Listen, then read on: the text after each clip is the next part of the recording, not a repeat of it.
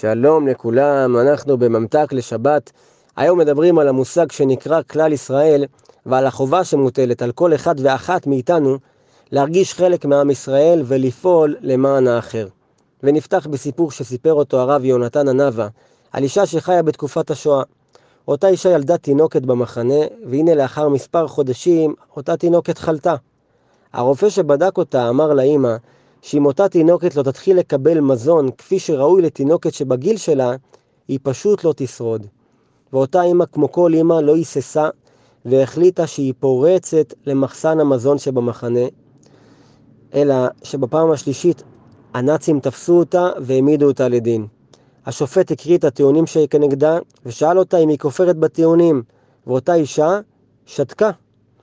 המשפט ממשיך להתנהל ולאחר זמן השופט שוב פונה לאישה ושואל אותה האם יש לך להגיד משהו להגנתך? והאישה ממשיכה לשתוק. המשפט מתקדם ומסתיים והשופט חורץ את גזר הדין ומטיל על אותה אישה עונש חמור של מלקות ורעב. בתום המשפט הבן של אותה אישה שואל אותה אמא למה לא אמרת שום אף מילה לאורך כל המשפט? הרי אמנם מדובר בנאצים הארורים אבל אולי במעט היו ממתיקים לך את העונש. ואותה אישה ענתה לו תשובה מצמררת. היא אמרה לו שהרי המשפט שלה היה ביום שבת, ומי שהופקד על הקלדת הפרוטוקול שבאותו משפט הוא אדם שהוא יהודי. כלומר, כל מילה שהיא הייתה אומרת הייתה גורמת לחילול שבת של אותו אדם. ומה זה שווה שהיו ממתיקים לה את הדין אם זה היה בא על חשבון יהודי אחר? ואנחנו שואלים שאלה, מאיפה אדם מקבל את הכוח למנוע מעצמו טובה רק כדי שזה לא יבוא על חשבון יהודי אחר.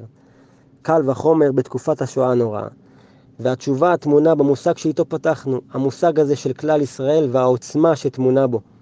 הרב וולבה זצ"ל מסביר שהדבר נמשל לעץ עמלים. כמו שעלה, אם הוא יתנתק מהעץ, הוא יאבד את מקור החיות שלו ויבול. ככה יהודי שלא מחובר לעם ישראל, גם הוא צפוי לאבד את מקור החיות שלו. ויותר מזה, רבותינו מסבירים שהשפע האלוקי שיורד לעולם שלנו, הוא לא יורד לפרט כזה או אחר, לאדם ספציפי, אלא הוא יורד לציבור כולו, ואז הוא נחלק לכל אדם ואדם. ואיך מתבצעת החלוקה? ככל שהאדם מחובר יותר לכלל, דואג יותר לכלל, ככה הוא מקבל יותר מאותו שפע ציבורי, הוא מקבל חלק גדול יותר מהעוגה. ולמה?